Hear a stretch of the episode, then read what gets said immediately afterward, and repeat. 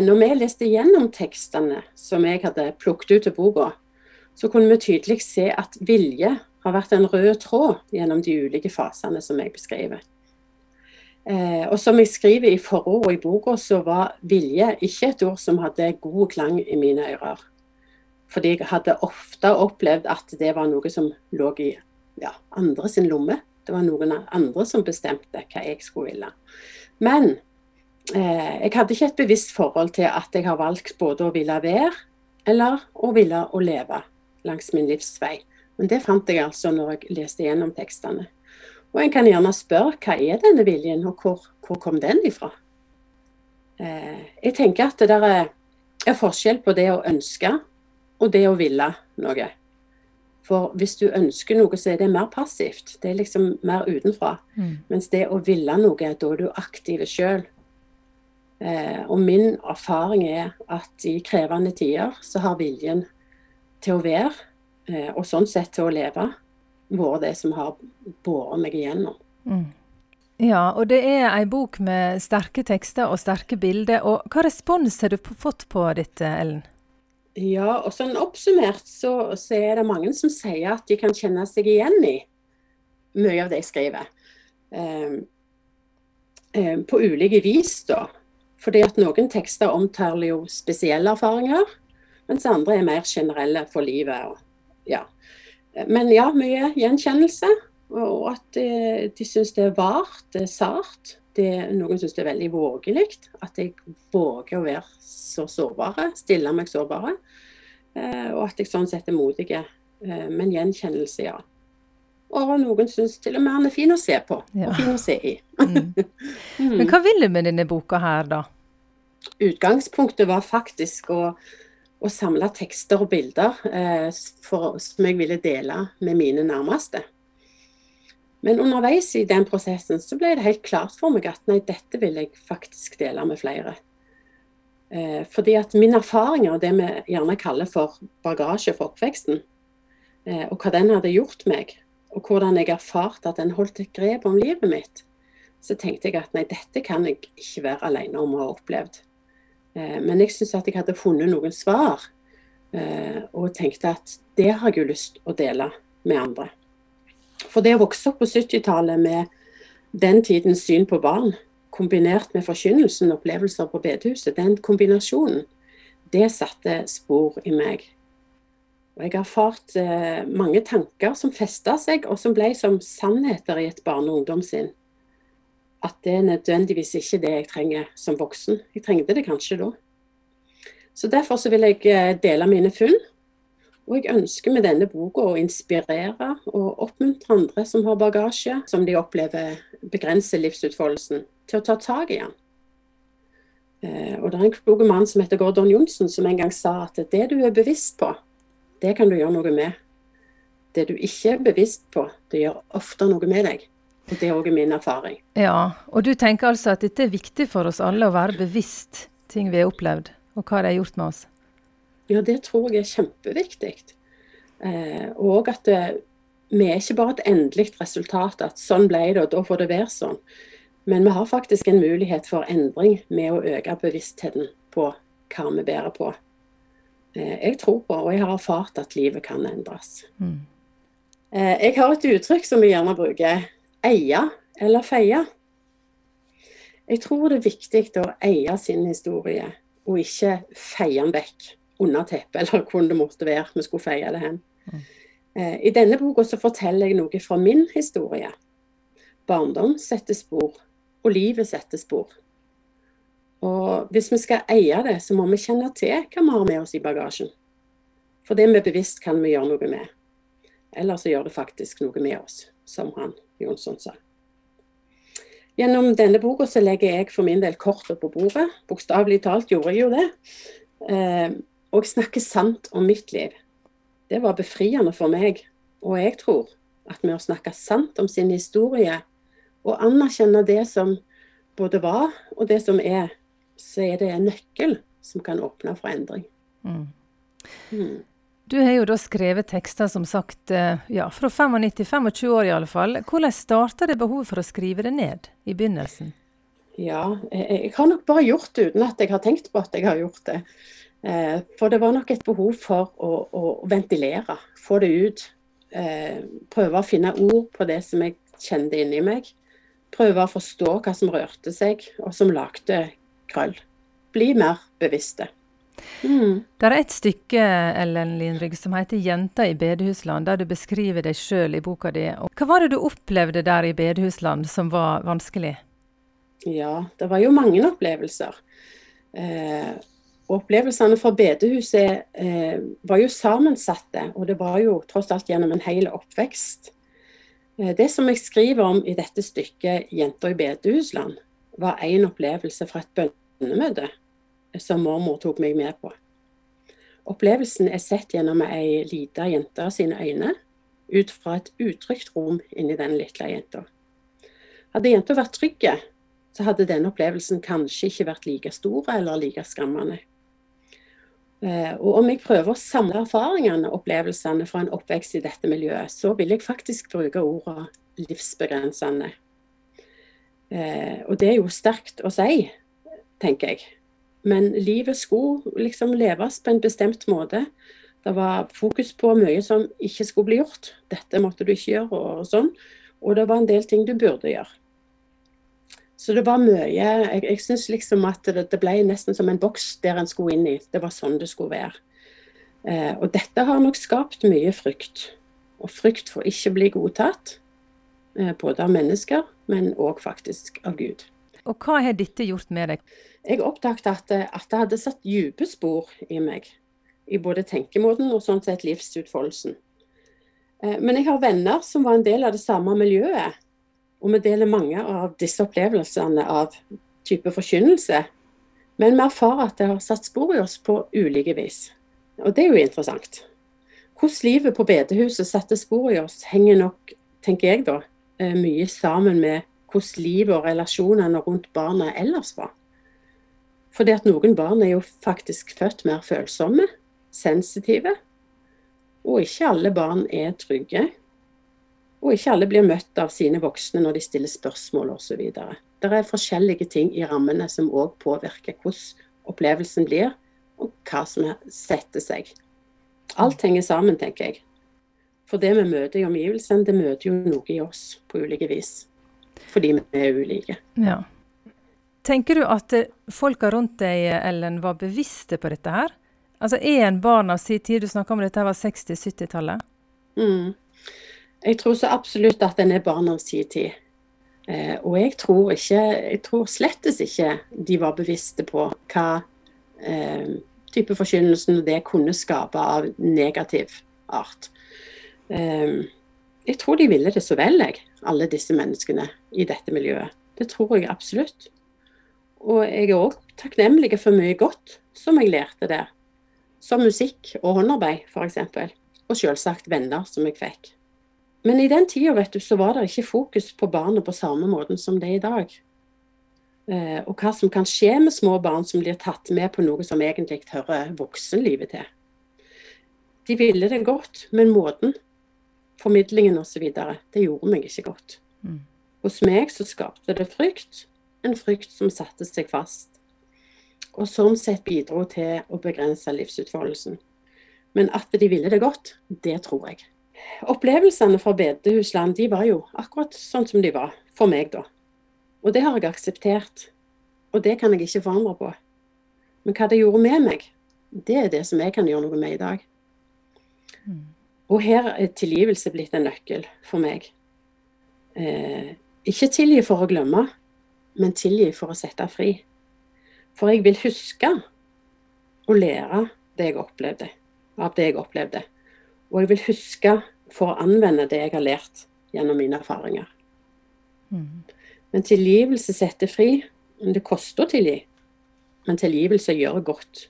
Ja, dette kunne jeg sagt mye om. Men eh, oppsummert, ryggsekken min ble lettere, og det gjorde godt.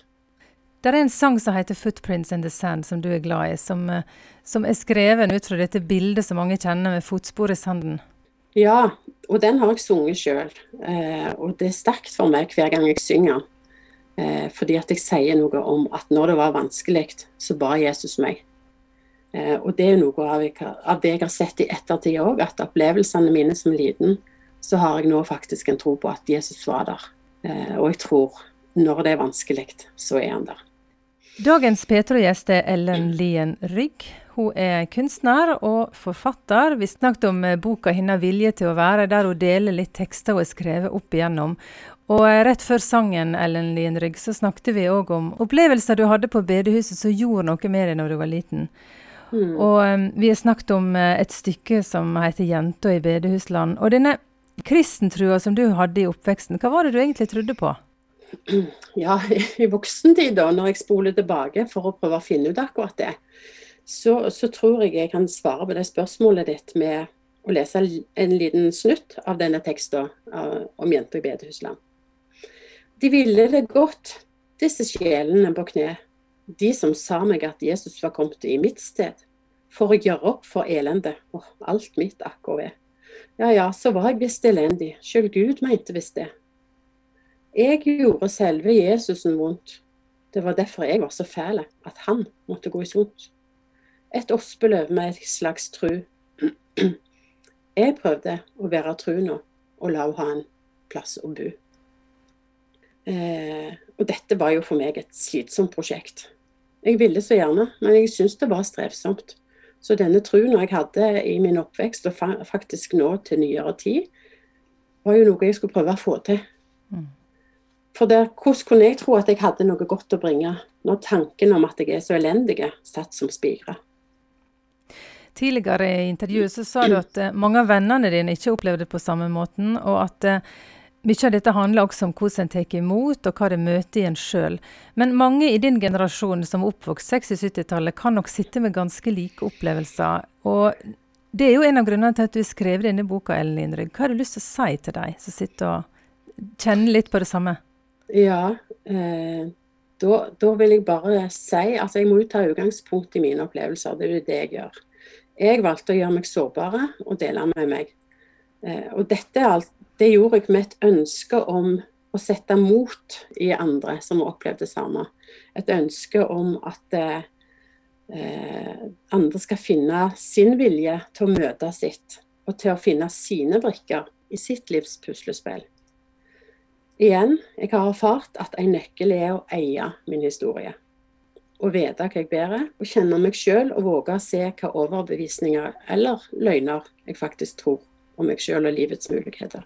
Så det jeg ønsker å oppmuntre til at de som kjenner seg igjen, òg må finne sitt. For det at vi er jo fantastisk skapte, med evner og talenter i ulike utgaver.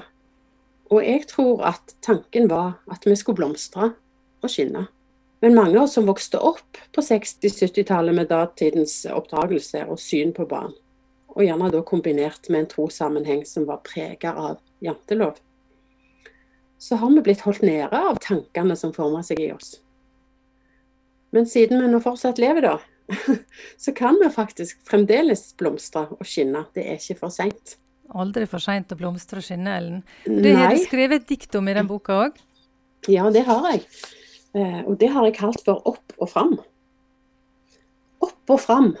Våg og drøm. Våg å tro. Livet kan endres. Nye seirer gro. Men du holder et grep på det som var. Du holder et grep og lar det få ta dagen i morgen og øyeblikket du har. Du holder et grep, og livet fortsetter å være sånn som det var. Men våg å drømme. Våg å tro. Livet skal leves, og hjertet skal finne ro. Om du bare vågte å drømme, og vågte å tro på ei ny tid. Om du bare vågte å slippe, og vågte å bli den du egentlig er, og alt det du har å gi. Om du vågte å gå gjennom for å slippe deg sjøl fri. Fortid er fortid. Det som var, kommer aldri mer igjen. Men de sannheter du former, og tryggheten de ga, er nå gått ut på dato for svaret du egentlig vil ha. Våg å drømme. Våg å tro. Livet kan endres. Nye seirer. Kristentrua di i dag, Ellen Lindrygg, hva tror du på nå? Eh, jeg sier gjerne, hvis jeg skal være litt sånn kjapp i replikken, at jeg forlot en religion og fant en påle. Jeg oppdaget hva jeg faktisk trodde på, altså disse sannhetene fra jeg var liten. Når jeg oppfatta hva oppveksten hadde på en måte gitt meg av sannheter både med Gud og meg sjøl, så tok jeg et oppgjør med det. Og i dag så er jeg så takknemlig for at jeg kan si, og at jeg våger å tro, at Jesus kom fordi Gud elsker. At Jesus kom fordi han elsker meg.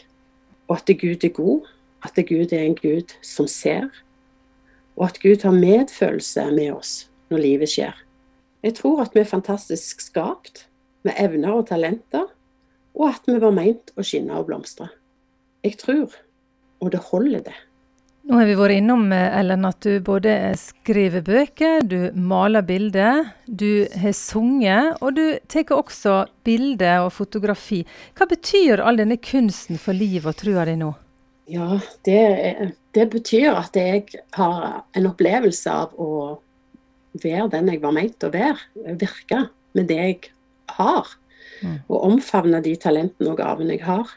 Eh, og det gir så mening i hverdagen. Eh, og det ligger på meg å kunne uttrykke noe av livets dybder. Skjønnhet. Eh, ja, alt det vakre som både finnes i naturen, men òg som, som, kan formes.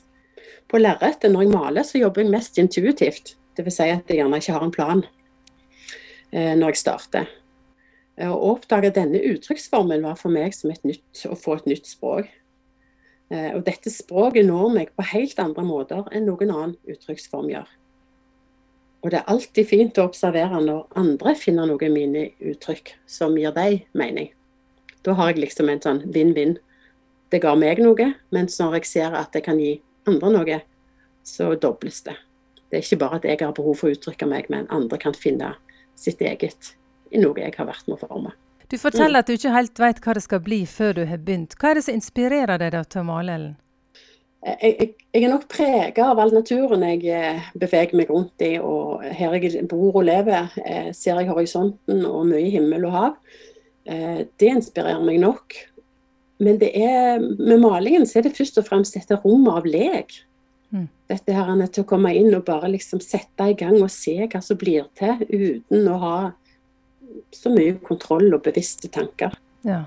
Er kunsten din en slags terapi, Ellen? Ja, det er det faktisk. Det er absolutt det. Fordi at fordømmelsen av meg sjøl har tatt enormt stor plass og gitt opplevelsen av mye strev og motbakke i livet mitt.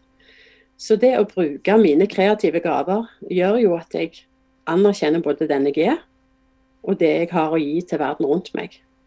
Det er en opplevelse av at da lever jeg, da virker jeg, da, da er jeg. Mm. Mm. Så ja, kunst som terapi, absolutt. Og så er du glad i lyset? Jeg er glad i lyset. Veldig glad i lyset. Jeg er stadig på jakt etter lyset.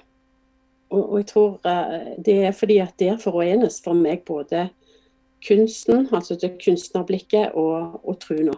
Jeg går mye tur langs sjøen og på fjellet, og jeg har et åpent blikk for lys og farger. Dette beriker og påvirker mine tanker om både det som er her og nå, som jeg kan se, men òg om det som jeg ikke kan se, og som jeg jo da tror ser meg. Eh, Troa på en god Gud, på en raus, store og kjærlig Gud. En storhet som overgår alt det jeg klarer å måle og forstå. Det er det noe av det jeg opplever når jeg er ute i naturen, og når jeg ser lyset. Dette gir meg ro, og da kjenner jeg at jeg bæres av en tro. Og jeg har lyst til å avslutte med den eh, bønnen som blir kalt for sinnsro-bønnen. For jeg har sagt mye i dette intervjuet om både hva jeg må akseptere, men òg er det noen ting jeg vil endre på. Og, og det er en forskjell på, på akkurat det. Men denne sinnsro-bønnen Gud, gi meg slik sinnsro at jeg formår å godta det, det jeg ikke kan forandre og mot til å forandre det jeg kan, og forstand til å se forskjellen.